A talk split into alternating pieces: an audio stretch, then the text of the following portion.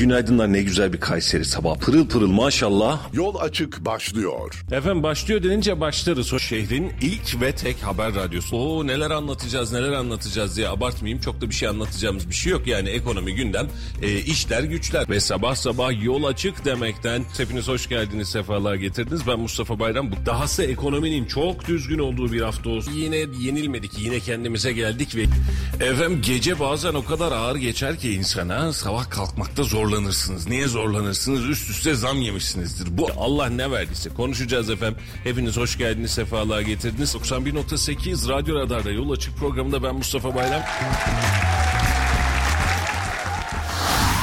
Radyo Radar Yol açık başlıyor.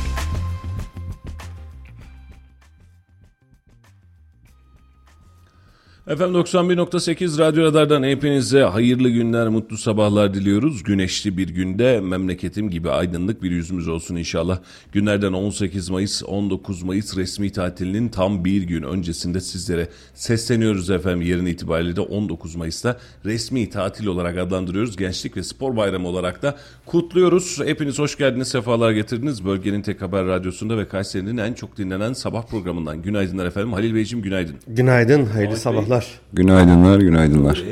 1, 2, 3. İki, iki kişi daha eklesek vallahi ya böyle bir şey olur. Olmaz mı? Bir kişi olursa okey oynarız da beş kişi olunca ne oynarız bilmiyorum. Olur. Yanına iki daha yapalım da bir halı saha maçı takımı olur. Şimdi önceden daha böyle organize sanayinin bölgelerinde çalışırken e, bayram, yılbaşı, 23 Nisan, 19 Mayıs, 30 Ağustos böyle resmi tatilleri hesaplamalarını yapardık.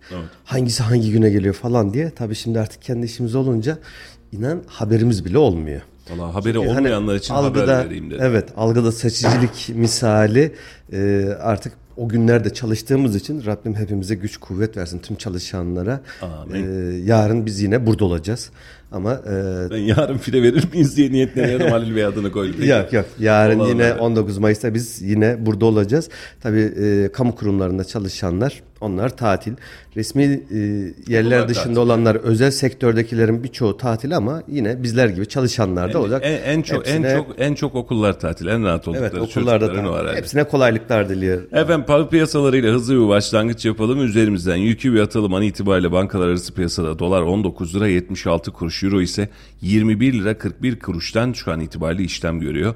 Altının ons fiyatı 2000 doların üzerinde uzun bir dönem tutunmaya çalıştı ama şu an itibariyle 1979 dolar seviyesinde altının ons fiyatı işlem görüyor. Brent petrolde ise 76 dolar 66 sentlik bir fiyat var.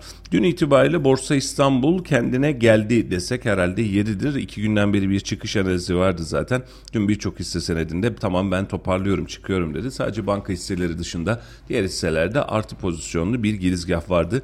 Ee, Borsa İstanbul'un da özellikle şu an itibariyle 4661 puan ki 5500 puana kadar seçim öncesi dönemde görmüş olduğu hal vardı. Belli bir süre daha ben buradayım diyecek gibi kendinden konuşturacak gibi görünüyor. Peki kapalı çarşıda durum ne? 20 lira 36 kuruş olmuş doların kapalı çarşıdaki fiyatı.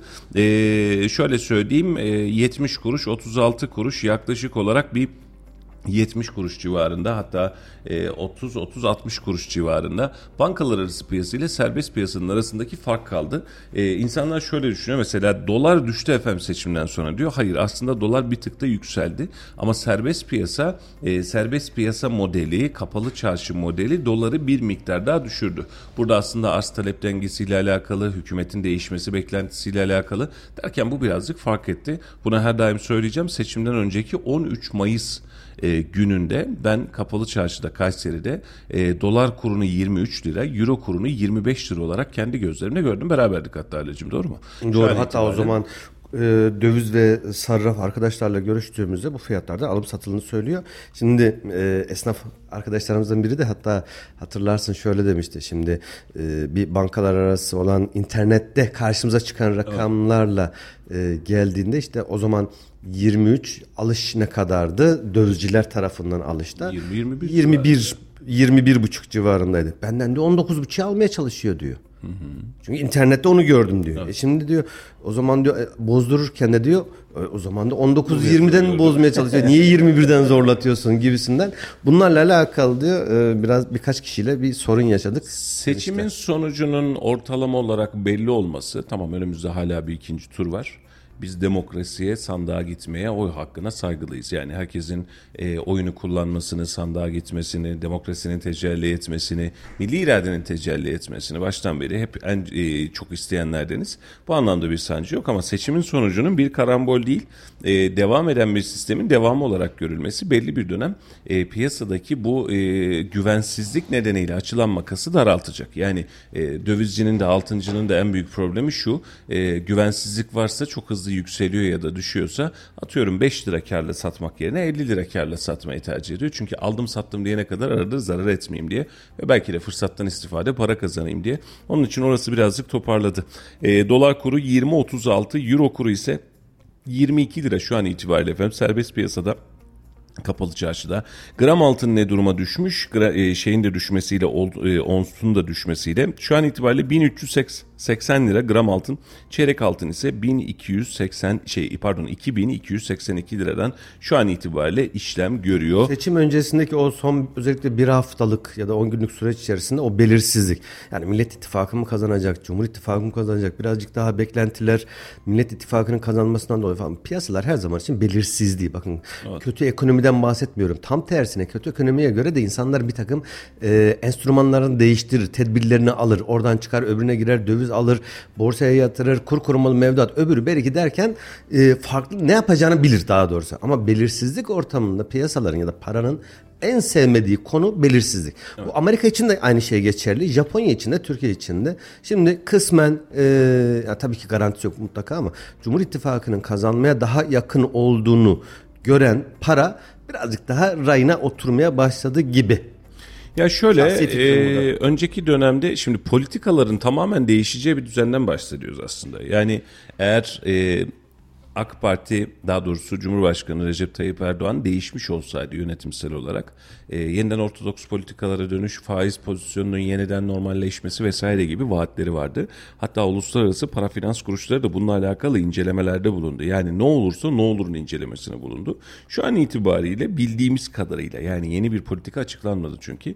Bakan Nebati ile en son dönemde konulan Merkez Bankası'nın sıkılaştırdığı Bakan Nebati'nin enflasyona karşı çok ciddi e, aksiyon alamadığı bir politika Neydi? içerisine Hetero, yeniden. Heterodoks mu diyordu? Heterodoks evet. evet. Yani ortodoks olmayan heterodoks olarak geçiyor. Orada da milletin aklında benim başka cümleler. Benim aklıma çıktı. dini inançlar geliyor. Protestanlar, Hayır, Ortodokslar. Yani ortodokslar gibi geliyor ama kitaba uygunu ortodoks şey. E, Daha İslami terimler bulsak olmaz mıydı?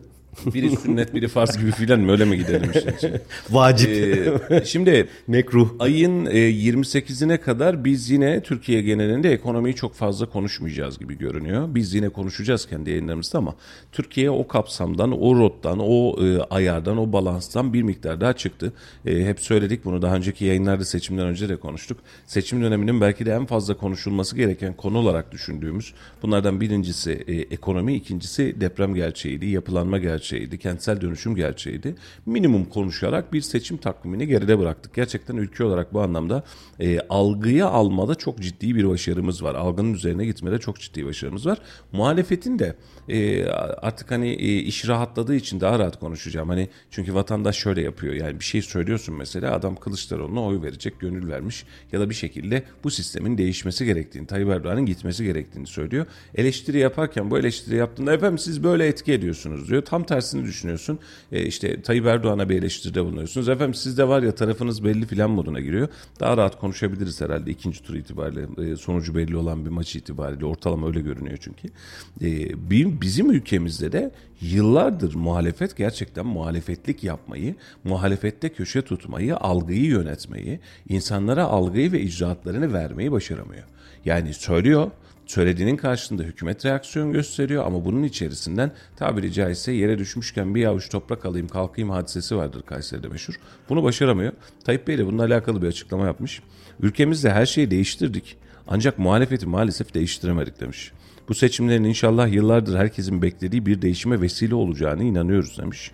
Ee, muhalefeti diyor ki e, bizi yine yenemediniz, yine başaramadınız. Bu sefer Haklı siz değişin. Mı bu söylemde? E, şimdi şöyle e, cümleyi analiz ederek geçeyim. Ülkemizde her şeyi değiştirdik, muhalefeti maalesef değiştiremedik. Muhalefet konusu Bunun olarak söylüyorum. o hepsini söyleyeceğim. Bunun aynısını hükümet için de söylemek lazım. E, her şeyi değiştirdik ama Tayyip Erdoğan'ı değiştiremedik de diye bakabiliriz. E, Tayyip Erdoğan'ın ikinci kısımda söylediği e, her şeyi değiştirdik ama muhalefeti değiştiremedik. Evet muhalefeti değiştiremedik. Muhalefeti kazandıramadık. Muhalefeti daha güçlü hale getiremedik. Ve hatta dahası işte e, yeni gelen kulis bilgileri yayında söylemeyelim ayıp olur belki. E, bu hafta sonu itibariyle e, Millet İttifakı cephesinde de bir takım e, sıkıntılar yaşanacağı, bir takım sancılar yaşandığında söz konusu. E, normalde bir partiyle girebilecek, bir başka partinin ana muhalefeti olabileceği, ben Türkiye'yi yönetirim diyebileceği, kadroların bunlar diyebileceği bir düzenekten şu an birleşe birleşe kaybettik düzenine geçtik. Tayyip Bey haklı mı? Tabii ki haklı canım. Ee, çünkü bizim güçlü iktidar modeli oluşturmamız için iktidar da kim olursa olsun güçlü muhalefet modeli oluşturmamız gerekiyordu. Ee, bu modeli de oluşturamadığımızı görüyoruz. Bu yaz döneminde mesela muhalefet daha fazla ekonomiyi, daha fazla depremi, daha fazla Türkiye gerçeklerini falan konuşmayacak. Genel başkanlık savaşları başlayacak. Kimi alacağız acaba? Kim gelecek acaba? Ee, işte e, kongremiz gerçekleşecek. Kongrede kim aday olacak? Genel başkan değişecek mi? Ayak oyunları olmuş. Delegeler buna oy vermiş. Bunları konuşacağız bu yaz döneminde. Futboldan böyle bir hani ne kadar benzer bilmiyorum ama şöyle bir betimleme yapmak istiyorum müsaadenle. Özellikle büyük takımlar, üç büyükler işte Galatasaray, Beşiktaş, Fenerbahçe ile kendi arasında oynadığı maçlar bambaşka. Bir de onların Anadolu takımlarıyla daha böyle alt sıralarda olan takımlarla oynadığında şunu görüyoruz. Bir bakıyoruz işte en basitinden daha bu hafta işte İstanbulspor Galatasaray. Neredeyse küme düşme hattında olan bir İstanbulspor sanki karşımızda Barcelona gibi maçı beraber izledik oynuyor. Ya da örnek veriyorum bir Konya e, Fenerbahçe karşısında bambaşka oynuyor derken. Şimdi bu ne? İşte o güç dengesi içerisinde daha aşağıdaki takımın kendini gösterme çabası, daha hırslı olması. Çünkü herkesin izlediği bir pozisyonda daha böyle bir motive olmuş haliyle daha fazla saldırıyor. Daha böyle enerjisini harcıyor. Şimdi e, siyasi partilerde de küçük partiler bu mücadeleyi vermezse büyük partilere karşı ezikliğini, kendi içerisindeki ezikliğini hissedecek. Bizdeki asıl sıkıntı belki hükümetten daha fazla muhalefet sorunu. Bak kaç yıldır hükümetin başında Tayyip Erdoğan? 21 yıldır. Bir 5 yıl daha ekle buna 26 yıl. Ya padişahların %90'ı bu kadar ya da kralların %90'ı bu kadar. Bırak Türkiye'yi dünyada bu kadar uzun süre hükümette kalan insan sayısı azdır. Bunun asıl sebebi hükümetin başarısı mı, muhalefetin başarısızlığı mı? Alternatif olmayışı mı? Sevgili Halil'cim e, tam da ben senin bahsettiğin konu dikkatimi çekti. Yani 25 yıla yakın e, bir çeyrek asırlık bir yönetim var. Şu an padişahlara baktığımız zaman Kanuni Sultan Süleyman 46 yıl iktidarda kalmış. Ama buna Maşallah. ya Çelebi Mehmet 8 yıl mesela ben örnek olarak bir iki tane söyleyeyim. Kısalardan söyleyeyim. İkinci Selim 8 yıl. Ondan sonra 3. Mehmet 8 yıl. 1595 İki dönem yapmış. ee, kaldı ki mesela hepimiz tarihten hatırlarız. Ee, Yavuz Sultan Selim Osmanlı İmparatorluğu'nun en geniş topraklara sahip olduğu döneme e, imparatorlukta padişahlık yapmıştır. 8 yıl görevde kalmış. Evet. Yani şimdi ben de tesadüf eseri benim de aklıma o geldi. Yani çeyrek asır çok ciddi bir e, zaman. Mesela Süleyman, 2. Süleyman 4 yıl görevde kalmış. E, 1640-1648 İbrahim 8 yıl padişah olarak görev yapmış. Ortalama İkinci genelde Osman 4 sekiz yıl. yıl. Ha, uzunları söyleyelim. İki dönem padişahlık Ya yapmışlar. İlk başta şimdi Osman Bey 27 yıl, Orhan Bey 36 yıl, ee, birinci Murat 27 yıl. Yani uzunları söylediğimizde. ikinci Beyazıt 31 yıl. Ama en uzun Kanuni Sultan Süleyman 46 yıl padişah olarak. Macaristan Ya topraklarında şöyle, savaşta e, Sevgili dostlar, e, Tayyip Erdoğan'ın başarısı mı başarısızlığı mı e, gerçekten biz yıllara sahip bakalım. Ana muhalefette neler ürettiğimize bakalım. Deniz Baykal'la başlayan, şu an itibariyle Kılıçdaroğlu ile devam eden bir ana, ana muhalefet çizgimiz var. E, beraberinde milliyetçi tayfanın bu ittifakın içerisinde olmadığı ama e, 15 Temmuz'dan sonra ittifaka dağıldı, dahil olduğu bir süreç var. Aslında hükümet ve yönetim modeli olarak bakacak olursan AK Parti de kendi içerisinde müthiş derecede evrimler geçirdi. E, tek başına e, parlamenter sistemde merhaba deyip 360'larda takılan, e, daha sonrasında ittifak modelleri oluşturmaya çalışıp oluşturamayan, e, açılım süreçleri oluşturan, olmadığı içinden FETÖ'yü temizlemeye çalışırken bir başka kaynakla milliyetçi tayfayla beraber bir ittifak modeli oluşturan bir parti yapısı. Ama Tayyip Erdoğan özelinden bakacak olursak 21 yıl bir de bunun öncesindeki belediye başkanlığında sayacak olursak 94. Aynen öyle. Çok, uzun uzun, bir süreçte var. Şimdi Tayyip Bey'in söylediği bu anlamda haklı mı? Haklı. Vallahi hem fikiriz. Yani yalana gerek yok. Şimdi e, CHP'de e, Kayseri üzerinde bakalım. Kayseri CHP'nin çok rahat mayalandığı bir şehir değildi yıllarca. Ama seçim öncesinde şöyle bir yorum yapılmıştı. Ben de çok takdir etmiştim. E, CHP ne zamanki sahil şeridindeki kırmızı hattı içeriye doğru yayar o zaman Türkiye Partisi olur. Şimdi bakıyorsun bu seçimde var mı yeni bir yer? Yok. Sahil şeridi. Şimdi en son yerel seçimlerde ne gördüysek burada da aynısını görmüşüz. Şimdi sahil şeridindeki insanların demokrat, sosyal demokrat daha doğrusu bakış açısı CHP'ye kendilerini yakın hissettirebilir. Buna bir itirazım yok. Belediye hizmeti mesela bunu konuşuyoruz. Dün belediye meclisi vardı Kayseri'de biliyorsun. Bir belediye başkanıyla konuşuyorum. Abi diyor en çok hizmet ettiğim mahallede diyor en çok hizmeti yaptığım mahallede CHP çıkmış diyor. Şimdi hizmet de bunun çok fazla karşılığı olmuyor. Çünkü ideolojik temelde oturan bir yapı var. En güzel örneği herhalde İzmir'dir. Sen daha iyi biliyorsun. Yani Şöyle, tatilden tatile gittiğim bir İzmir. İzmir'de ben yaşadım. Ee, tabii İzmirli olan, orada doğmuş, orada büyümüş olan birçok kişiyle ta- tanıştık, sohbet etme imkanımız oldu uzun uzun. Hepsinin ortak görüşü şu. Biz İzmir'de CHP yönetiminde, belediye olarak söylüyorum bunu, hiçbir şekilde memnun değiliz.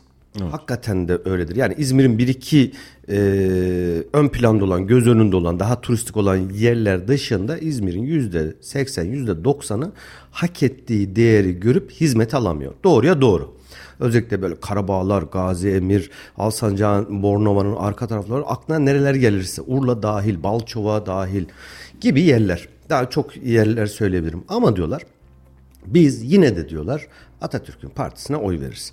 Hangi e, belediye başkan adayının kim olduğu, ne söylediği zerre kadar umurumuzda değil diyorlar. Biz o dönem biraz daha sıcaktı. Binali Yıldırım e, İzmir'den e, belediye başkan adaylığı vardı biliyorsun. Şimdi Binali Yıldırım'ı hakikaten İzmirliler de çok seviyordu o dönem. Ciddi anlamda seviyordu. Değer veriyorlardı. Ve İzmir'e daha fazla katkıda bulunacağına inanıyorlardı. Doğruya doğru bunu realist bir şekilde söylüyorlar. Ama diyor yok diyorlar. Bizim elimiz hiçbir şekilde farklı bir partiye gitmez. Yani e, kokudan durulamayacak halde olsa her yerde diyor çöp yığınları olsa diyor bir İzmir diyor. CHP'nin bunu- kalesidir.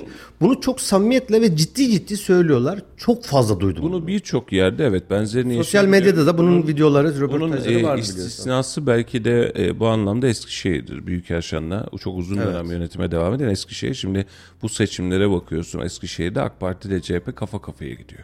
Şimdi birbirine çok yakın oylar var. E, ama e, söz konusu o zaman hatta CHP'de bile değildi. DSP'den biliyorsun belediye başkanı olmuştu. E, Yılmaz Büyükerşen olunca %60'lar %70'lerle e, oy alıp devam edebiliyor sürecine. E, burada vatandaşın tabii ki o e, takım tutar gibi tuttuğu algısını da değiştirip hizmete, sürece, niteliğe baktırmak lazım özellikle yerel seçimde. Ama e, şu seçim e, birçok noktada gösteriyor ki CHP yine Anadolu hattına inemeyen e, yine Anadolu'da sahillerde. edemeyen, yine Karadeniz sahillerde e, gezinen e, bir parti olarak kaldı. CHP bunu kırmak için aslında bu seçimde bir aksiyona girdi. Dedi ki e, ben yanıma başta bir milliyetçi tendanstan İyi Parti'yi alayım. Kim yok bende muhafazakar yok saadeti alayım milli görüş geleneği. AK Parti'nin içinden çıkma geleceği alayım deva alayım hatta ufak tefek demeyelim. Ne sağcı ne solcu gelsin. olan işte de- Demokrat deva de gelecek alalım filan. Böyle bir karmaşanın içerisine, kargaşanın içerisine girdi. Evet kargaşa e, aslında birleşmek, aslında fikir birliği, belli bir çatının altında buluşmak güzeldi. Ama ayrı ayrı partiler, ayrı ayrı pazarlıklar ve şimdi açık oturalım. E, Seçim döneminde sesini duymadığımız Ahmet Davutoğlu. Ali Babacan. Doğru mu? Duyduk mu? Güntekin Uysal, Güntekin Uysal hemen hemen hiç Temel. Karamollaoğlu. Şimdi Çok bunları vardı neredeyse. seçim öncesinde daha doğrusu ittifak, Millet İttifakı masayı toparlamadan ya da dağıtmadan ki açıklamalarına bir bak. Her bir açıklama tam bir hayal kırıklığıydı. Yani işte e, Sayın Babacan'ın e, HDP ile alakalı yapmış olduğu açıklamalar hepimiz için ciddi anlamda bir karın ağrısı oluşturdu. Babacan da o dönemki en büyük beklentilerinden bir tanesi HDP meclise e, kendi partisi kapanır diye girmek istemiyor. Gelsin devadan girsin beklentisiydi. Bir Türkiye Partisi olma Hem onu söyledi vardı hem. Türklükle alakalı söylemleri vardı. İşte Akıncı, Siha, Tiha onlara Hepsiyle alakalı ki tuşlara bastı canım. bastı yani onlara da dokunacağız. Ahmet Davutoğlu'na bakıyorsun. kendini mesela. bitirdi tabiri Ne demek caizse. dedi yani biz kabul edilmiyoruz o zaman masayı filan. Ya bir bakıyorsun ya kardeşim e, bak doğrusun, iyisin, güzelsin ama Deva Partisi'nin, Gelecek Partisi'nin, Saadet Partisi'nin bu ülkedeki yoğunluklarından bahsederken bu ülkede siz baraj problemi yaşamıyor olsaydınız şu an itibariyle kendi listenizden zaten girerdiniz.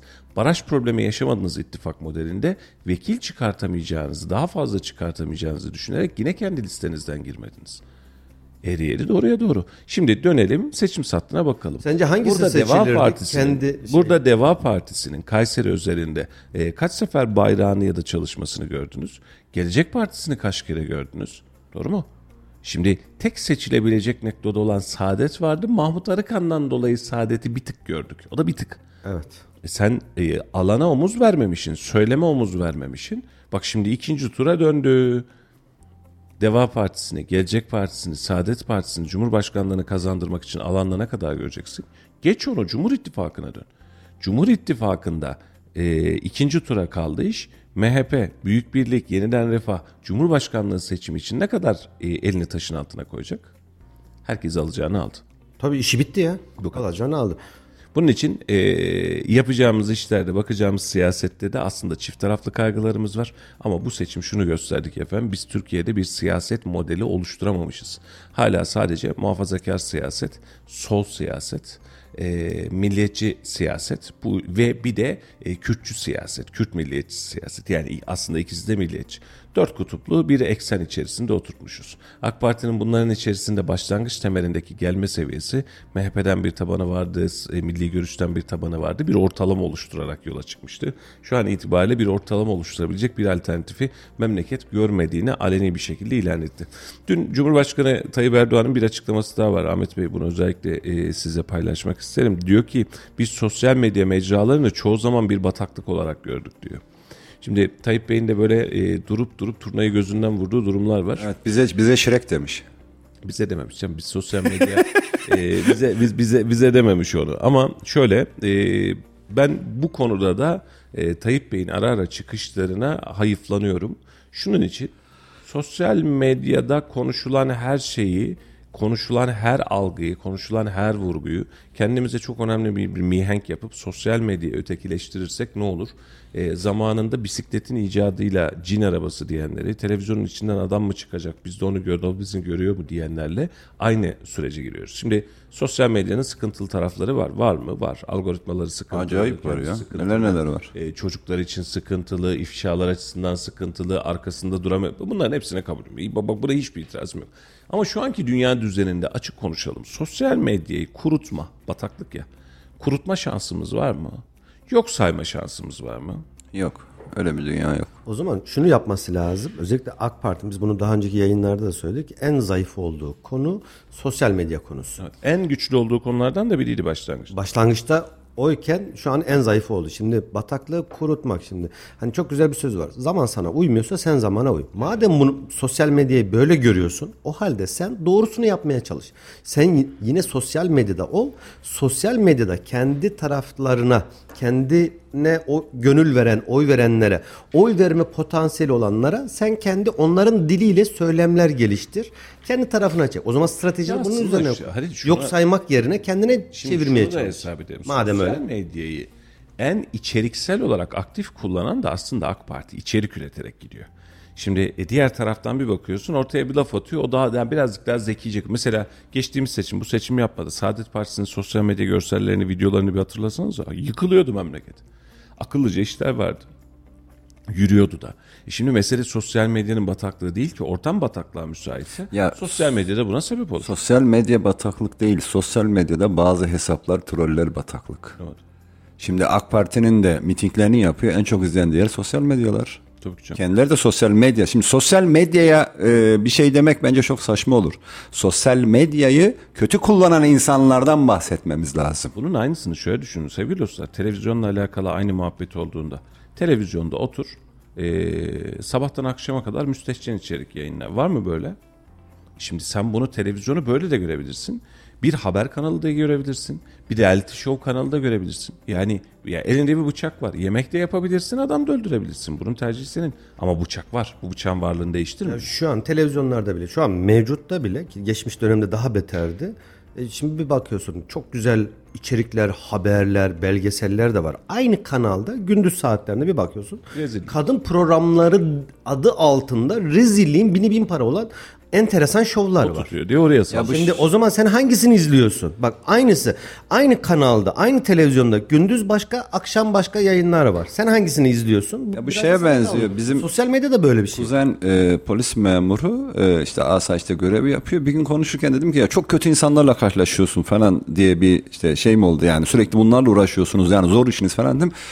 E, dayıoğlu dedi, dayıoğlu dedi kötü insan yoktur dedi. Kötü niyetli insan vardır dedi. İnsan kötü değildir dedi. Niyeti kötüdür o insanların dedi. Yani bizim uğraştığımız bunun gibi. Yani sosyal medya kötü değil. Sosyal medyada kötü niyetli insanlar var. Şimdi burada da mecrayı değerlendirirken yani e, Tayyip Bey daha önce de buna benzer açıklamalar yaptı. Birazcık garip geliyor bana. Israrla ve inatla şimdi seçim bitti varsayalım. Bugün itibariyle ayın 29'u varsayalım. Bitti gitti. Önümüzdeki şimdi 5 yıllık bir süreç buna bakacağız artık. Şimdi sosyal medyadaki insan, sosyal medyayı bataklık, sosyal medyadaki insanları bataklık sineği olarak görecek olursan toplumun belli bir kısmını sen yine kutuplaştırıyorsun ve vazgeçiyorsun. Birçok insan şu an itibariyle haber bültenlerinde göremediği, televizyonlarda göremediği veriyi, içeriği sosyal medyada görüyor mu? Ve çok hızlı bir şekilde. Görüyor. Şimdi bizim işimiz bu. Bizim işimiz sosyal medya. Düşünsene eski gazete olduğunu. Şimdi sabah saatlerinde bir bakıyorsun Kayseri Radar'da Allah göstermesin. Diyor ki şurada büyük bir kaza gerçekleştirdi. Şu oldu bu oldu. Yaklaşık e, bir dakika içerisinde haber alıyorsun. Daha enkaz olay yerinden kalkmadan sen olay yerinden geçerken "Hmm, neymiş diyorsun detaylarına bakıyorsun filan filan. Şimdi gazete üzerine dönseydik. Sıcağı sıcağına hemen bir haber vereyim. Kartal Kavşağı'nda 10 dakika önce bir trafik sorunu vardı. Bu da sebebi trafik ışıklarının yanmamasıydı. Çok ciddi böyle yayalar, araçlar ışık olmayınca ne oluyor? Kaos ortamı oluşuyor. Buradan da takipçilerimize, dinleyicilerimize duyurmuş olalım. O güzergahtan biraz uzaklaşabilirler. Belki görevliler, yetkililer şu anda müdahale etmiştir ama o sıkışıklığın atılması bir 15-20 dakika, yarım saat alacaktır. Buradan da bizi dinleyenlere bir bilgi verelim. Kartal Kavşağı'nda bir kaos yaşanıyor. Bu vermiş olduğumuz haberi gazeteci mantığında söylemiş olsaydık yarın sabah görecekti bunu insanlar doğru mu? Ya da eski gazete düzeniyle akşam baskısında görecekti. Geçtik. Televizyon düzeniyle bakalım efendim. Televizyonun ekipleri gidecek buradan haberini verecek, görüntüsünü çekecek, sana ulaştırılacak. Olay bitmiş. Akşam ana haber bülteninde ancak en erken o zaman Şimdi görürdün. sosyal medyanın bu kadar hızlı kullanımı iki, insanların haber alma özgürlüğünün yanında insanların haber verme özgürlüğü de çıkıyor. Şimdi Ahmet Bey yolda giderken bak bunun için Türkiye değişiyor şu an itibariyle. Ya. Sosyal medyanın gücüyle markalar hizaya geliyor. Doğru mu? Koca koca markalar, kurumlar hizaya geliyor. Niye? Diyor ki vatandaş benden şikayet ediyor. Oradaki çalışan, iyi hatırlayın Ahmet Bey bizim başladığımız dönemde çok vardı. Şehir hastanesinin özellikle yeni olduğu dönemde vatandaş sıra bekler. Sıra beklerken bir bakarsın oradaki operatör arkadaşlar açmış soliter oynar bilgisayarda bir tek o var zaten. Oyun Evet oynar. evet hatırlıyorum o Onun görüntüleri. görüntüsü gelir. Şimdi bir, iki şu an itibariyle geliyor mu? Gelmez. Yok Niye gelmiyor. biliyor musun? O destteki arkadaşlar artık oradaki bilgisayarda oyun oynamıyor. Elindeki telefonla başka bir şey yapıyordur. Bunu bilmem. Bak henüz o levele geçmedik. Değiştirdi mi? Değiştirdi. Sen şimdi neyle kullandığını, nasıl kullandığına bağlı. Ve sen şu an itibariyle buradaki insanları biraz önce hadi senin söylediğin hani doğrusunu sen kullan o zaman diyorsun ya doğru kullanmayı boş ver. Mecrayı ötekileştirerek mecradaki insanları da ötekileştiriyor. Ben bu lafı üstüme almıyorum. Sosyal medya biz öyle bir yer değiliz. Biz resmi olarak bir hem haber ajansıyız hem radyoyuz hem resmi olarak haber sitesiyiz. Hani bunların içerisinde bizim sorumluluklarımız var. Haberimizi doğrulama sorumluluğu var. Hukuki sorumluluklarımız var. Avukatımız var. Koca koca bir personel grubuyla çalışıyoruz. Bu ayrı bir hadise. Ama şuradan e, atıyorum e, Salih kardeşim kendine bir sosyal medya hesabı açmış. Şahsi hesabı. Oradan da iki bir şey yazmış. Hatta fenomen olmuş vesaire. E, bunu yatsıyamazsın artık ya. Bunu uzaklaştırma. Adam yanlış yazıyorsa da uzaklaştırma. Ha şimdi e, mesela son dönemde depremle beraber çıktığı iletişim başkanlığı teyit sistemi çıkarttı. Hatırlıyorsunuz ama şu anda da var hatta. Bir şey yayınlanıyor mesela. O öyle değil diyor. Aslı böyle diyor. Sen bunu hızlandırırsan vatandaşın asparagas habere düşme ihtimalini de düşürmüş olursun. Yapacağımız hadise bu. Ama teyit sistemin, iletişim başkanlığının teyit sistemini nasıl kullandık? Seçim döneminde hiç dikkat ettiniz mi bilmiyorum. Kılıçdaroğlu'nu ya da muhalefeti yalanlamak, iktidarla alakalı yapılan söylemlerin öyle olmadığını anlatmak için iletişim başkanlığı teyit sistemi kurdu. Halbuki teyit sistemi şu olması gerekiyordu. Şurada şu kadar, hayır kardeşim böyle bir şey yok. İşte dün mesela Ankara'da fırtına olmuş havada uçan koltuk görseli var görmüşsünüzdür sosyal medyada. Şimdi yok kardeşim bunun aslı yok diyeceksen tamam bu senin teyidine muhtaç. Bu da muhtaç. Sadece Kılıçdaroğlu öyle diyor ama bunun aslı böyle değil demek teyit anlamına gelmiyor. Tehdit siyaset, siyasi anlama siya- sosyal medyada siyasete bulaşmasalar aslında kimse pek çok da fazla üzerine gitmeyecek. Evet. Siyasete bulaştığı için bu şekilde olduğunu ben düşünüyorum. Kimyager ne yapıyor? Bir sürü elementi bir araya getiriyor ya da kimya ile alakalı bir şeyleri bir araya getiriyor. İlaç da yapıyor. Aynı kimyager o elementleri bir araya getirip bomba da yapabiliyor. Aynı malzemeyle. Aynı kişi. Mümkün.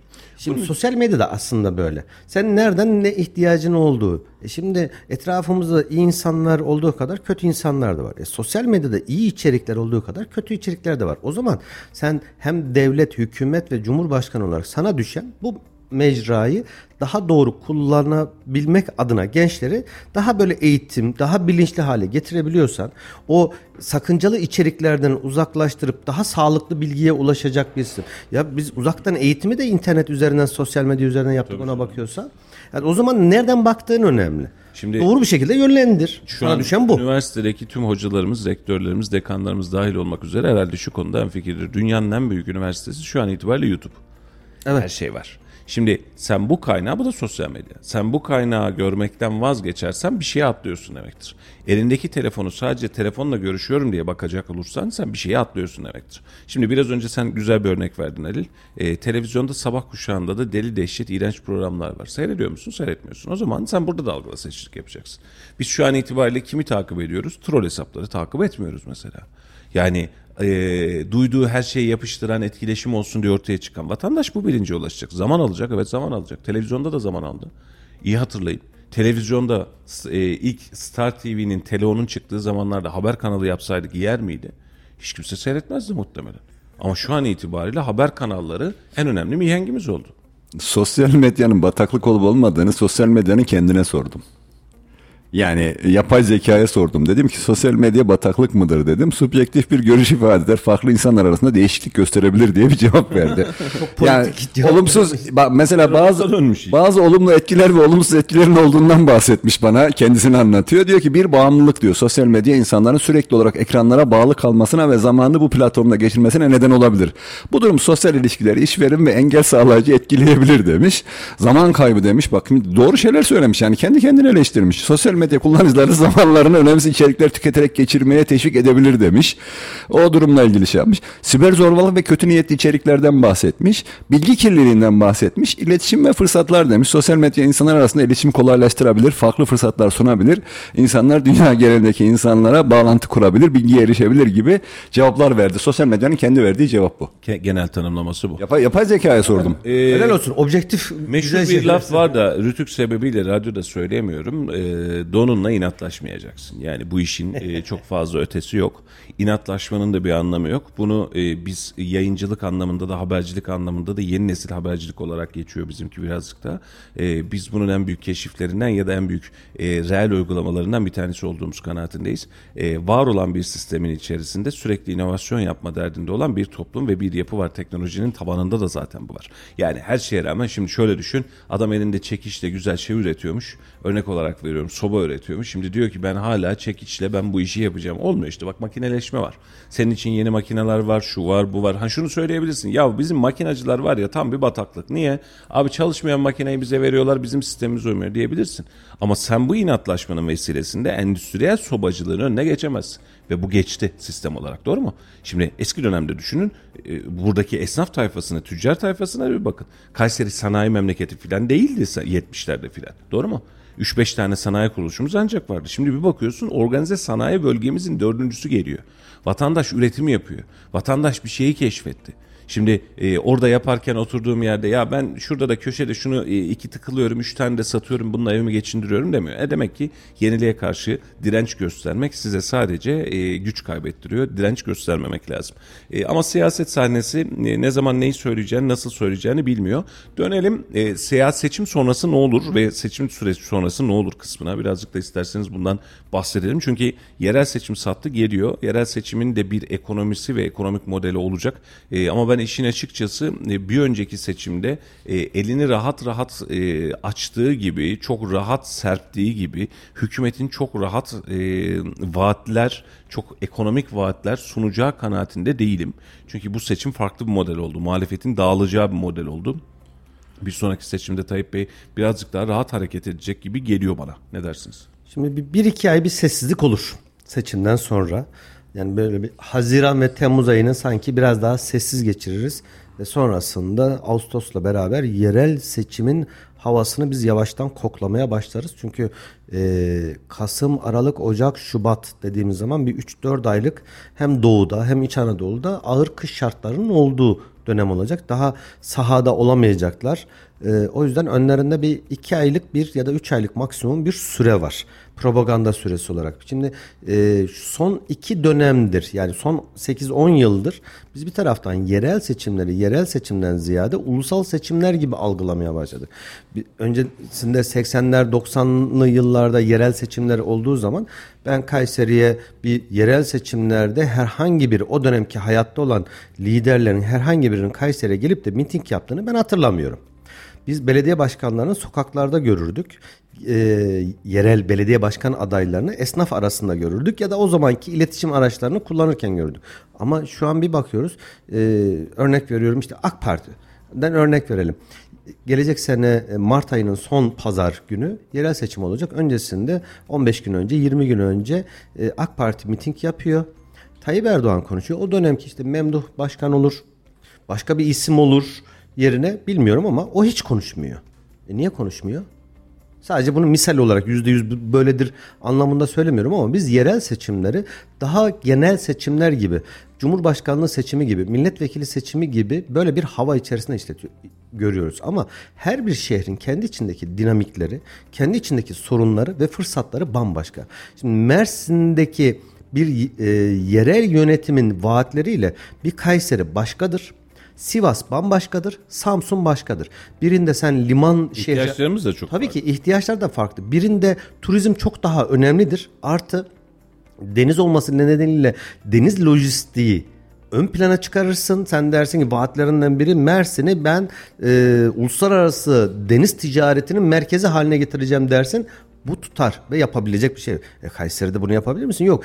Turizmi şöyle yapacağım. 5 yıldızlı oteller, uluslararası düzeyde işte mavi bayraklı sahiller bilmem ne dersin. Bunları yaparsın. Bir orada bir yayla turizmi de var aynı zamanda. Ama Kayseri'ye geldiğin zaman senin Kayseri'de denizin yok. Bir tane Erciyes Dağı'nın var. Ormanın yok. Turizmin e, nispeten tarihten dolayı kısmen var. E, o zaman senin Kayseri'de dinamiklerin farklı. E, o zaman Kayseri'de ne var?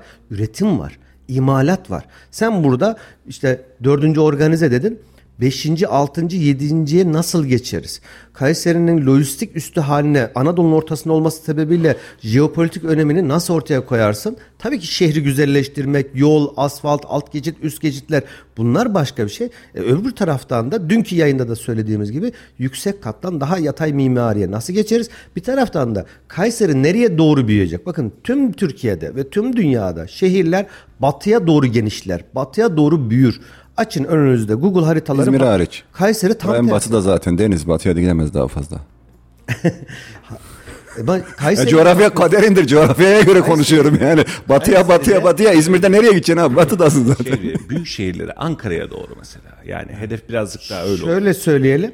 Şimdi arada evet. Afyon ne tarafa batıya mı gidecek doğuya mı gidecek? Ahmet Bey İzmir'in 30 sene önce sahil şeridinde doğru düzgün bina yokken şu an sahil şeridi Şöyle hele hele karşı yaka sil baştan yeniden yapılan bir sen, sen, bu da yaklaşıyor. İyi akşamlar diliyoruz. Ee, geçtik İzmir kısmını. Geçtik. Yerel seçimde e, bizim şu an itibariyle benim kastettiğim aslında şuydu. Tabii ki adayların vaatleri, adayların bize neler söyleyecekler önemli ama kaçırdığımız bir nokta var. Ee, seçim sattığında kritik eşikte çıkmayan bir seçim. Ee, Anadolu özelinde AK Parti'nin rahatlıkla almış olduğu bir seçim. Bir sonraki seçimde, yerel seçimde e, adayların da partinin de elini rahatlatacak. Şu an itibariyle AK Parti sadece şunu yapacak. Ben oyumu niye yüzde kırka düşürdüm? Yerel seçimde bunu yeniden e, üst seviyeye çıkartmam ve şov yapmam lazım diye çıkacak. Ankara'dan ee, Kayserili biz, birini aday göstermeyeceksin. E, o Ankara'nın problemi. Şu an Kayseri'den bahsediyorum. Ben niyeyse konuya çekemiyorum sizi. Bugün bir uç, uçarı gidiyoruz. Ee, bahsetmiş olduğum hadise şu. Biz yerelde bu vermiş olduğumuz Anadolu üzerindeki ve Kayseri üzerindeki bu çıkartmış olduğumuz seçimle yarın bir gün AK Parti karşınıza çıktığı zaman ya da aday karşınıza çıktığı zaman size çok bir şey vaat etmek zorunda değil. Zorunda mı? Değil.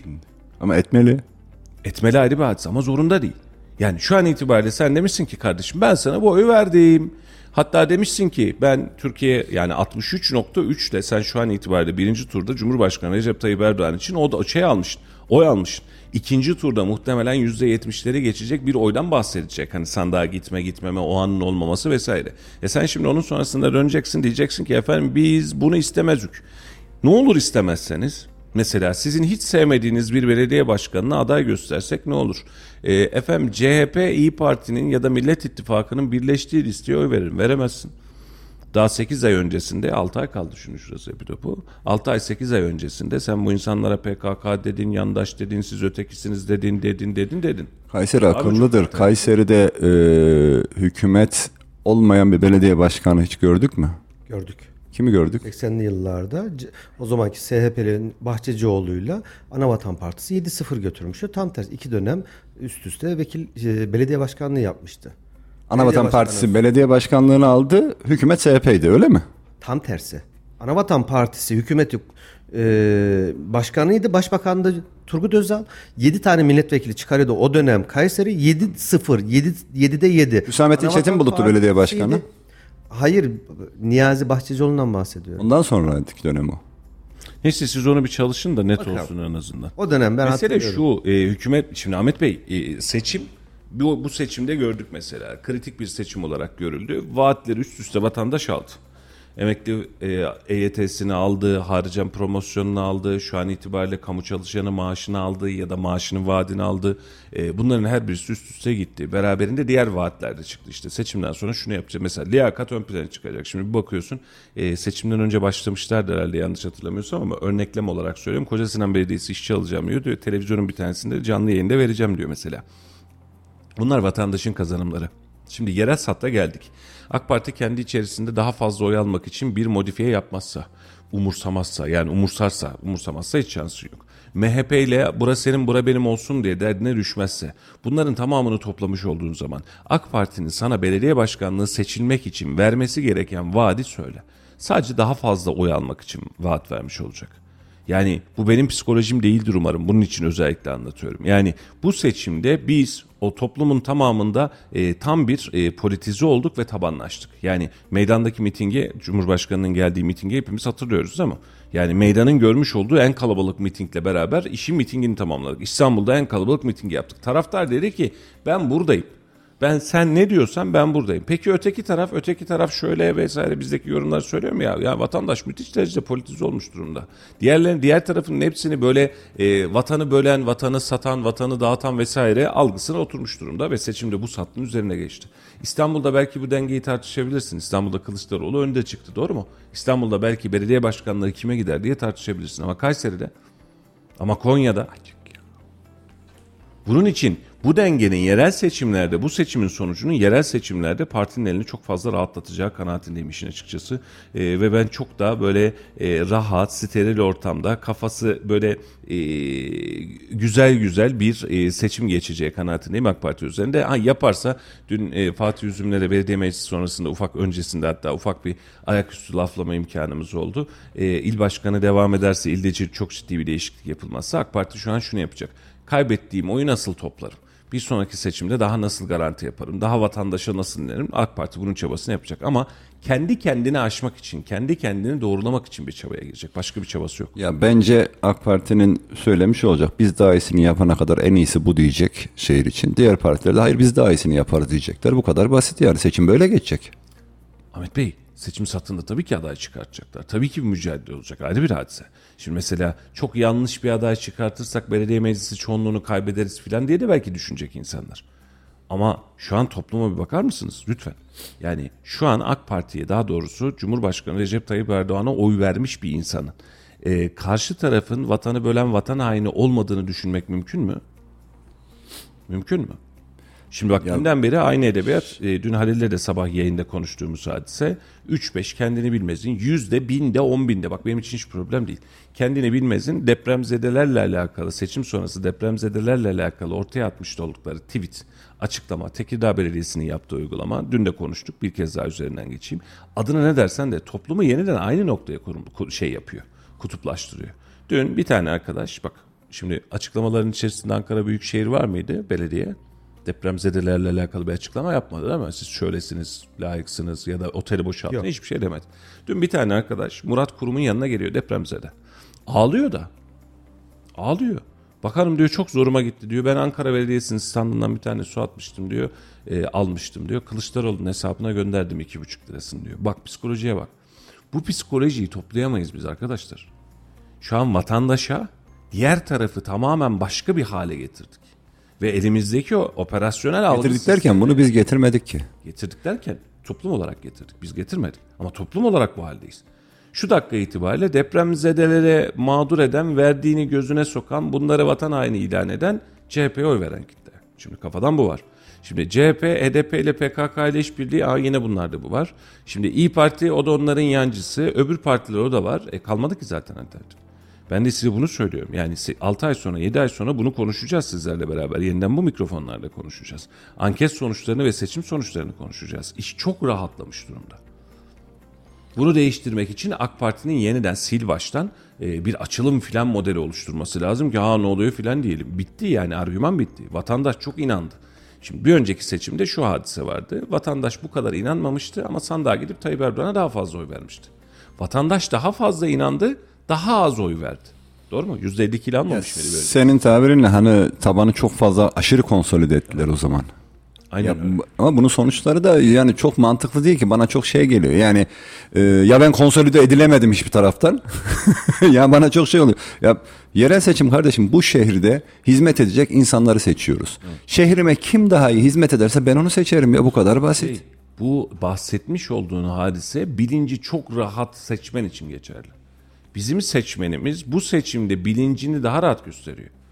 Yani ben bu algıyı görmüyorum şu an alanda. Bak seçim biter. Ama öyle bir şey söylüyorsun ki herkes robot seçim gibi. Yani herkes ona ona geldi senin senin bahsettiğin de ben de ben de bir karamsar içime bir şey oturdu. Yani böyle bir karamsarlık oturdu senin bahsettiğin şeyde. Ben çok rahatım. Ee, Valla e, sen kendi oyunda kendi Ben diyorum ben evet, ben, rahat olman gayet ben, ben, şe- ben şehrime hizmet istiyorum bu kadar basit. Yani kim hizmet edecekse, kim daha çok gayret edecekse, kim elindekini hani yapan daha iyisini yapacaksa ona oy veririm.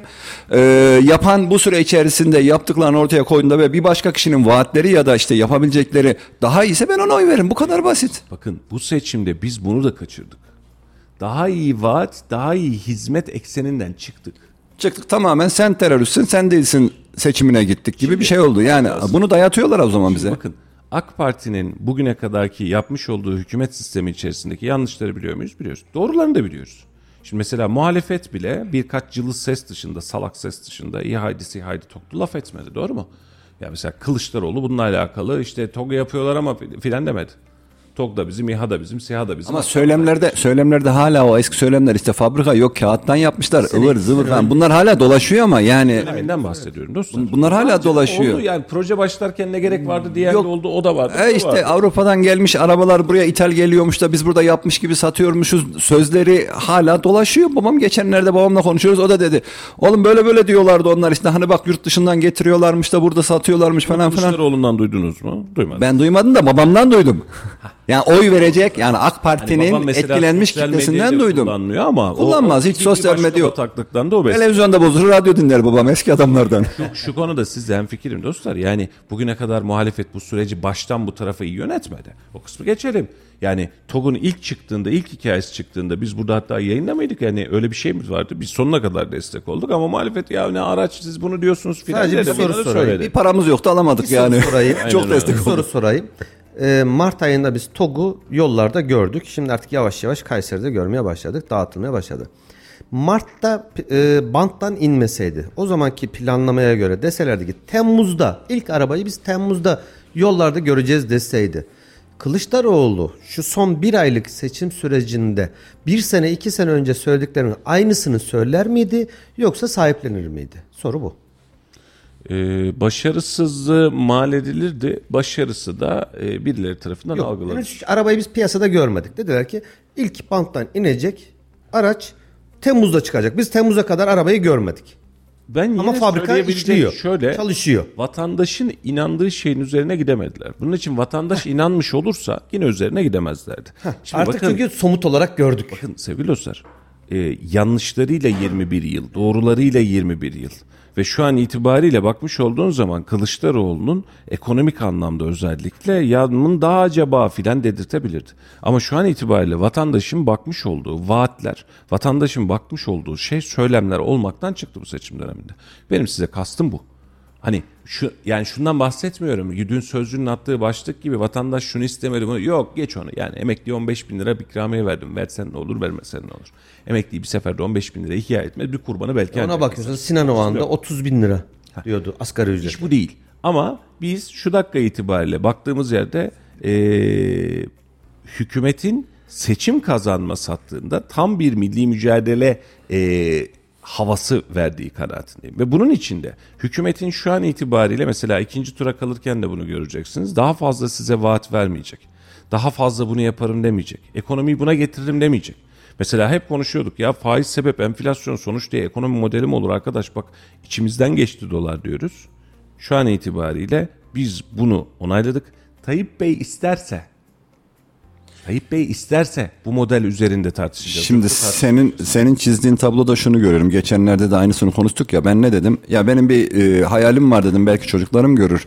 E, seçimleri böyle bu seçim beka kurtuluş savaşı ülkeyi kurtaracağızdan ziyade bu seçimde şu kadar ileriye gideceğiz. Şu kadar güzel şeyler yapacağız. İşte ülkemizin refah seviyesini, teknolojisini, sanayisini, üretimini şu seviyelere getireceğiz. Seçimini inşallah görürüz dedim. Senin e, son konuşmalarındaki anladığım şey şu. Yani yerel seçimde de bunun bir modelini bu model tuttu. Yani sen onu diyorsun bu model tuttu. İnsanları kutuplaştırınca çok güzel kilitlendi. Yerel seçimlerde şehirler adına şeyler adına işte bu şehre şunu yapacağız hani şurayı il yapacağız falan filan değil de biz aynı format üzerinde gideceğiz diye bir çizgi çizecekler ve insanlar da buna oy verecek gibi bir görüşüm var şu anda senin. Bu tablonun sonucu bende şu. Ne kazandık? Hükümet yeniden ben buradayım dedi ve sistemi hemen hemen kazandı. İkinci tura kaldı ama hemen hemen kazandı. Ee, peki başka ne kazandık? Kutuplaşma kazandık. Aslında kaybettik yani. Biz kutuplaştık. Biz yeniden birbirimize uzak hale geldik. Dün itibariyle bir AK Parti Cumhurbaşkanı'na oy vermiş bir arkadaş. Aklı da başında bir arkadaş normalde. Diyorum ki ya ben hani bak 5 milyon 6 milyon şu an Yeşil Sol dediğim partiye oy veren insan var. Allah hepsinin diye başlıyor. Bak malzeme bu değil. Malzeme bu değil. Biz bu hale gelemeyiz. Bak ben basiti. CHP'ye oy vermiş adam depremzedeyle partinin de arasını koparttık. Sen şimdi diyorsun ya biraz önce. Sosyal medyadan duy. Yok babamdan duydun. Baban kaç yaşında Ahmet Bey? 87.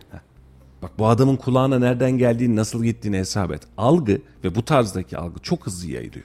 Ve şu an itibariyle depremzede ile CHP'nin arasını kötü ettik. Depremzede ile Ankara'nın, İstanbul'un vesairenin arasını kötü ettik. Şu an itibariyle 5-10 tane, 20 tane sayısını bilmiyorum saymadım bile. Geri zekalının yazmış olduğu salak salak işlerden dolayı şu an itibariyle depremzede yardım ettik. Siz müstahaksınız bu kıvama doğru döndürdük işi. dün de söylediğim, çok özür diliyorum. Dün de söylediğim hadise aynıydı. Bizim bu söylemlerden hızla çıkmamız lazım. Bizden olmayan diğer taraf Allah belasını versin kıvamından çıkmamız lazım. Yani çıkmazsak ne olur biliyor musun? Tek başına aldı mı aldı, tek başına devam ediyor mu ediyor, belediyede rahat etti mi ediyor. İsteyeceğim bir şey yok. Dönebileceğim bir taraf yok. Bu böyle bir denge değil. Ha burada da muhalefetin hatası şu. Bak bu seçim bize bunu gösterdi. Muhalefetin net hatası şu. HDP ile daha doğrusu şimdiki Yeşil Sol'la ittifak yapmıyorum ama yapıyorum gibi beni destekliyor demek yerine tek başına bu işin içerisinden yok kardeşim içimizde. Biz bunlar da terör örgütü biz bu işin içinden yokuz deseydi onun etkisi şu an Yeşil Sol'un etkisi yüzde sekiz. Sinan Oğan'ın eline almış olduğu tavır yüzde beş. Aradaki yüzde üçlük, yüzde dörtlük fark kapanabilir bir farktı. Ve çok daha rahat hareket ederdi. AK Parti MHP tabanından da çok fazla rahat hareket edebilirdi. Burada da e, biz onu görmezsek olmayız dedi ama bu birlikteliğin kullanılacağını bile bile kullanarak da ne kadar Türkiye'ye e, yazık ettiğini de belki de bir kez daha görmek lazım. Ya bazı noktalarda şimdi dün de WhatsApp'tan bir video geldi birinden. Ee, yurt dışında bir kişi depremzedelere şey yapmış ve orada e, AK Parti'ye çıkan oylara kendi kafasından tepki veriyor. Ben size şu kadar para gönderdim diyor. euro. Neler neler söylüyor. Yani ben normalde bu tür şeylerde ya bu geri zekalı bu kafası iyi yerinde değil diyeceğim. Belki de yalandır ha. Yani o parayı gönderdiğini de zannetmiyorum. Onu gönderecek bir de bir tip yok yani. Öyle tek başına Ona karşı da birisi de başka bir video ya bu tür videoların böyle yayılması, gönderilmesi, şey yapılması insanların psikolojilerini oynuyor. Yani insanların şeyini değiştiriyor. hoş değil. Hiç hiç hoş değil. Hoş değil. Ya kardeşim eskiden bize ne öğrettiler? İyilik yap denize at dediler. Salim verdiğini soler bilmeyecek dediler. Yani yapmışın bir iyilik vicdani olarak, insani olarak yapmışsın sen bunu parti olarak yapmamışsın. İnsani olarak bir yardımda bulunmuşsun. Üstünü kapat git, unut. Geçmişte bırak. Yahu biz yakın tarihimizde Bu arada çok özür diliyorum. Ne olur adın aklındakini unutma. Not al bir tarafa. Kartal'da yoğunluk var. NATO'ya geçiştelermiş. Biraz önce söylemiştik. Kartal kavşağında sinyalizasyon problemi var. Mesajlar Devam geliyor. ediyor. Sinyalizasyon problemi nedeniyle orada kısmi yoğunluklar oluşabilir. Varsa alternatif güzergahlar kullanın. Buyurun Ali Beyciğim. Kesin. aslında e, orada da alternatif güzergah da hani konuyla da alakalı Ça- e, Talas istikametine çarşıya doğru gelişte alternatif güzergah da az. En fazla nereden gideceklerini de söyleyeyim o zaman. Üniversite kavşağının oradan Esenyurt istikametine doğru dönüş yapabilirler.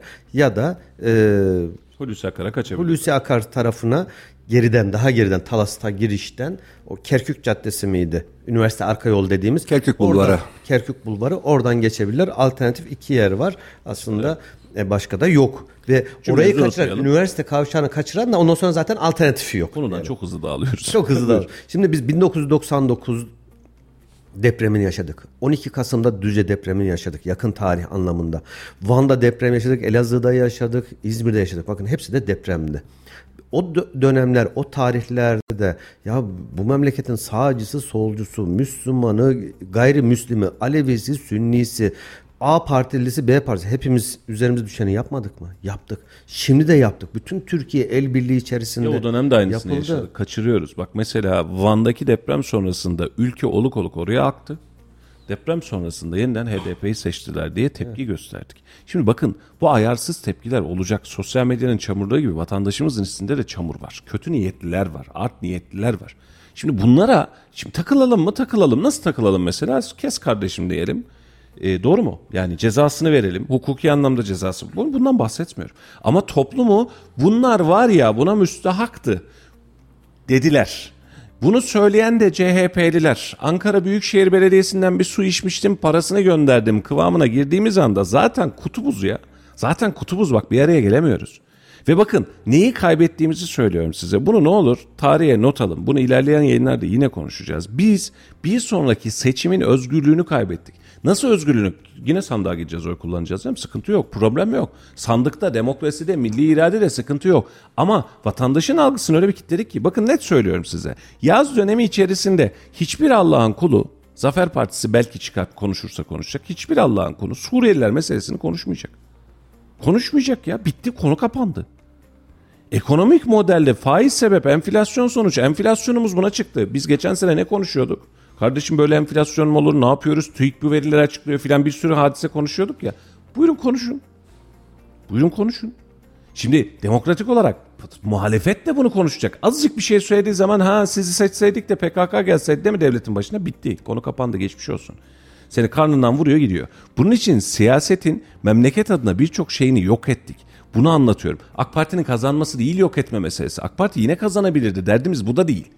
Ama öyle bir kutup halindeyiz ki biz bir sonraki seçime bu yetişmez. Bunun normal algısı olmaz. Ne zaman olur? Ne zaman olurunu da söyleyeyim. Muhalefet hakikaten full bir rektifiyeye girer. Kan değiştirir. Yeni bir söylem geliştirir. Hatta ve hatta parti değiştirir. Bir başka oluşum çıkar ortaya. O zaman belki bir ihtimal biz bunları yeniden konuşabiliriz. Ama bu seçim itibariyle net söylüyorum ki yerel seçiminde sonucu ortalama belli. İstanbul üzerinde geçecek bir mücadele var. Ankara bile demiyorum bakın altını çizerek söylüyorum. İstanbul üzerinde geçecek bir mücadele var. İzmir zaten bizim değildi diyecek AK Parti. Sahil zaten bizim değildi. İstanbul'u Ankara'yı kurtaralım. Ankara zaten bizim olmuş diyecek. Oy sonucundan bunu göreceksiniz. İstanbul'u almamız lazım diyecek. Tüm gücünü İstanbul'a verecek. Buradaki seçimlerde de sadece teşkilatlar oylarını arttırmak için mücadele edecekler. Vaat verecekse bunu verecekler. Kazananı kaybedeni e, 29 Mart'a geliyor değil mi o da? 28 Mart mı? 29 Mart. Son pazar hangi Aynen. güne geliyorsa. E, o tarihe gelen Ben, öyle- ben ben çok öyle düşünmüyorum. Yani e, vatandaşın hafızasının bu kadar yani bu seçimdeki bu kadar böyle bu bombardımanın, bu kutuplaştırmanın çok etkili olacağını düşünmüyorum. İnsanlar çok çabuk şey değişiyorlar. Yani depremi eskisi kadar konuşmuyoruz. Ondan önceki yaşanan olaylar. Bak biraz önce bahsettim. Geçen seneki ekonomik krizleri artık konuşmuyoruz. Yani akıllıca söylemler geliştirildiğinde ya da akıllıca projeler ortaya konduğunda insanların çok rahat bir şekilde iyiye yönelik e, eğilimleri olacağını düşünüyorum. İyi yönde eğilimler olacağını. Yani kim daha güzel şeyler ortaya koyarsa 180 derece insanların dönüp hayır ben bunu istiyorum diyeceğini düşünüyorum. Çünkü siyasette bir gün uzun bir zaman diyoruz. Bahsettiğimiz süre 7-8 aylık bir süre. Bence çok daha hızlı bir değişim olacak.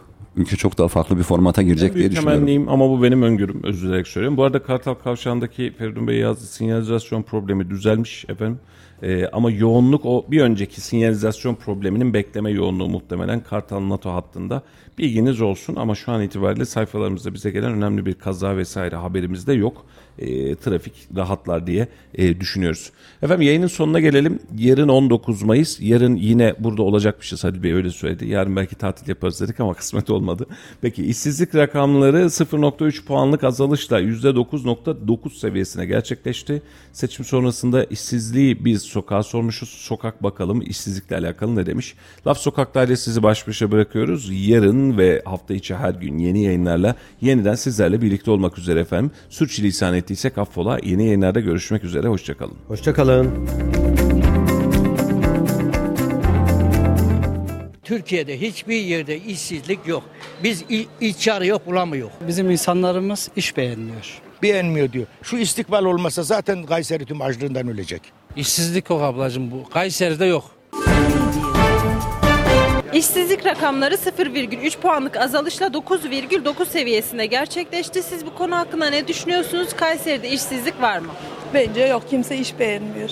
Ya herkes okudu. Okuduğu için de belirli işlerde çalışmak istemiyor. Yani atanamadıkları için de işsizlik oluyor. Ya çalışan işçiye var. Ama işte dediğim gibi herkes istediğini bulamıyor. İşçi olarak yok. Yani kimse işçi bulamıyor şu anda. Kayseri'de işsizlik yok, iş beğenmemezlik var daha çok bence. Bence rahatlıktan. Başka bir şey yok yani. Masa başı istiyorlar. Okumaya da pek yüzleri yok. Düşüncem bu. Bildiğim kadarıyla yani. Vallahi çalışana iş her zaman var ama çalışmayana da hiçbir şey yok. Bence Kayseri'de işsizlik yok. Sanayisi büyük. Ee, çalışan olursa iş çok. Ama benim gibi boş gezen olursa iş yok. Kızım işsizlik çok kızım yani. yani çoğu millet boş geziyor yani. Al- Çalışsa dahi aldığı maaşından geçinemiyor yavrum. Diyorum adam se- 8500 asgari ücret alıyor. Bundan geçinemiyor yani bu yani iş çalışsa ne olur çalışmasa ne olur 8500 liraya ne yavrum. Çalışmıyorlar, haylazlar. Ondan sonra kahvede yiyip içip yatıyorlar. Ondan sonra Türkiye'de hiçbir yerde işsizlik yok.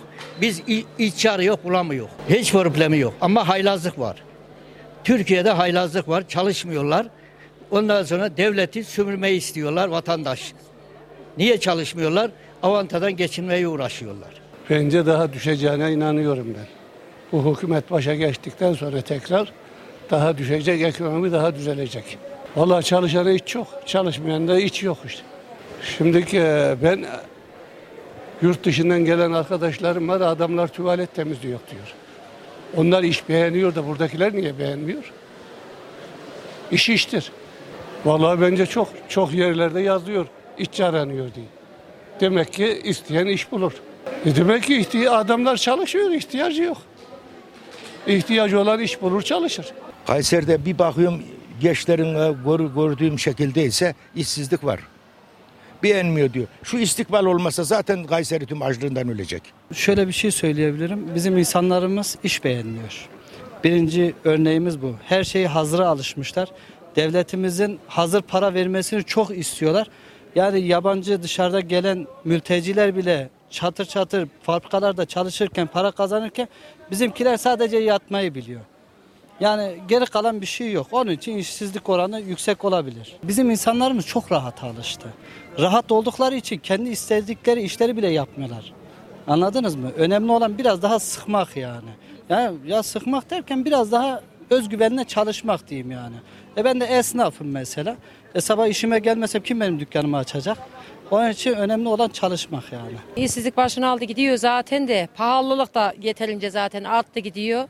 Vallahi akıl başında kim gelip de bu ülkeyi kim yönetecekse adam gibi biri gelsin ucuzluk gelsin yani. Mesela bir günlüğe gidiyor 500 milyon para alıyor bir paket yağıyla bir bidon yağıyla bir saç alıp eve gelemiyor yani.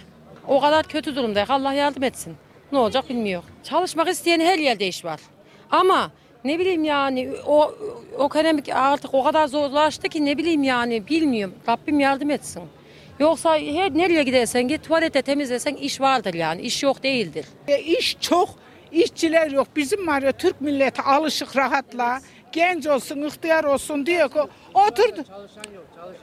Çalışan yok diyorum işte oturak diyor masa başında diyor kolaydan alışak diyor kolaydan alak diyor. Ama var işte herkes işçi şey işçi arıyor işçi bulamıyorlar. İşsizlik yok ablacığım bu. Kayseri'de yok. Bak ben size mesaj attım. Hatta yeni geldi. İşkur'dan mesaj geldi. Organize sanayide 50 tane fabrika i- işçi arıyor. Buyurun. Bir de işsizlik yok diyorlar. Gidin bir tane bakın şu marketlere veya da alışveriş merkezlerine bir bakar mısınız? Her her taraf dolu. Bir tane boş yok.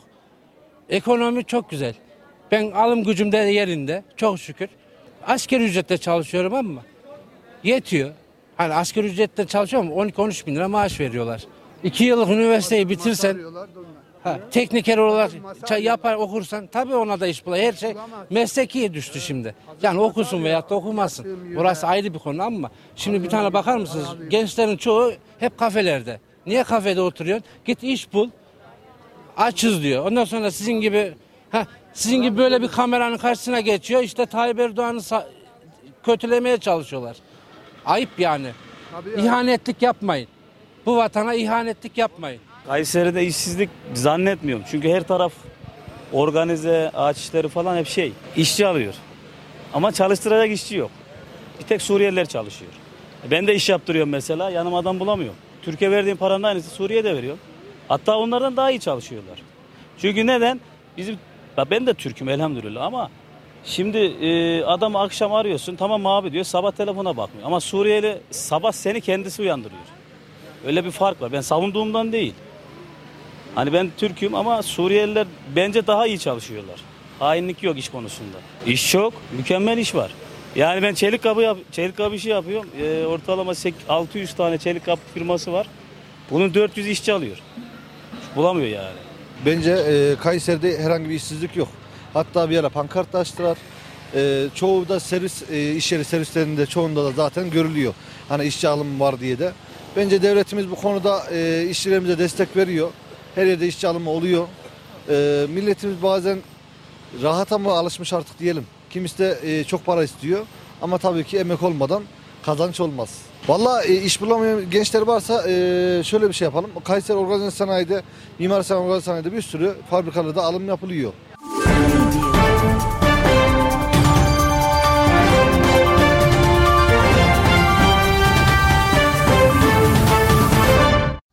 Radyo Radar yol açık sona erdi.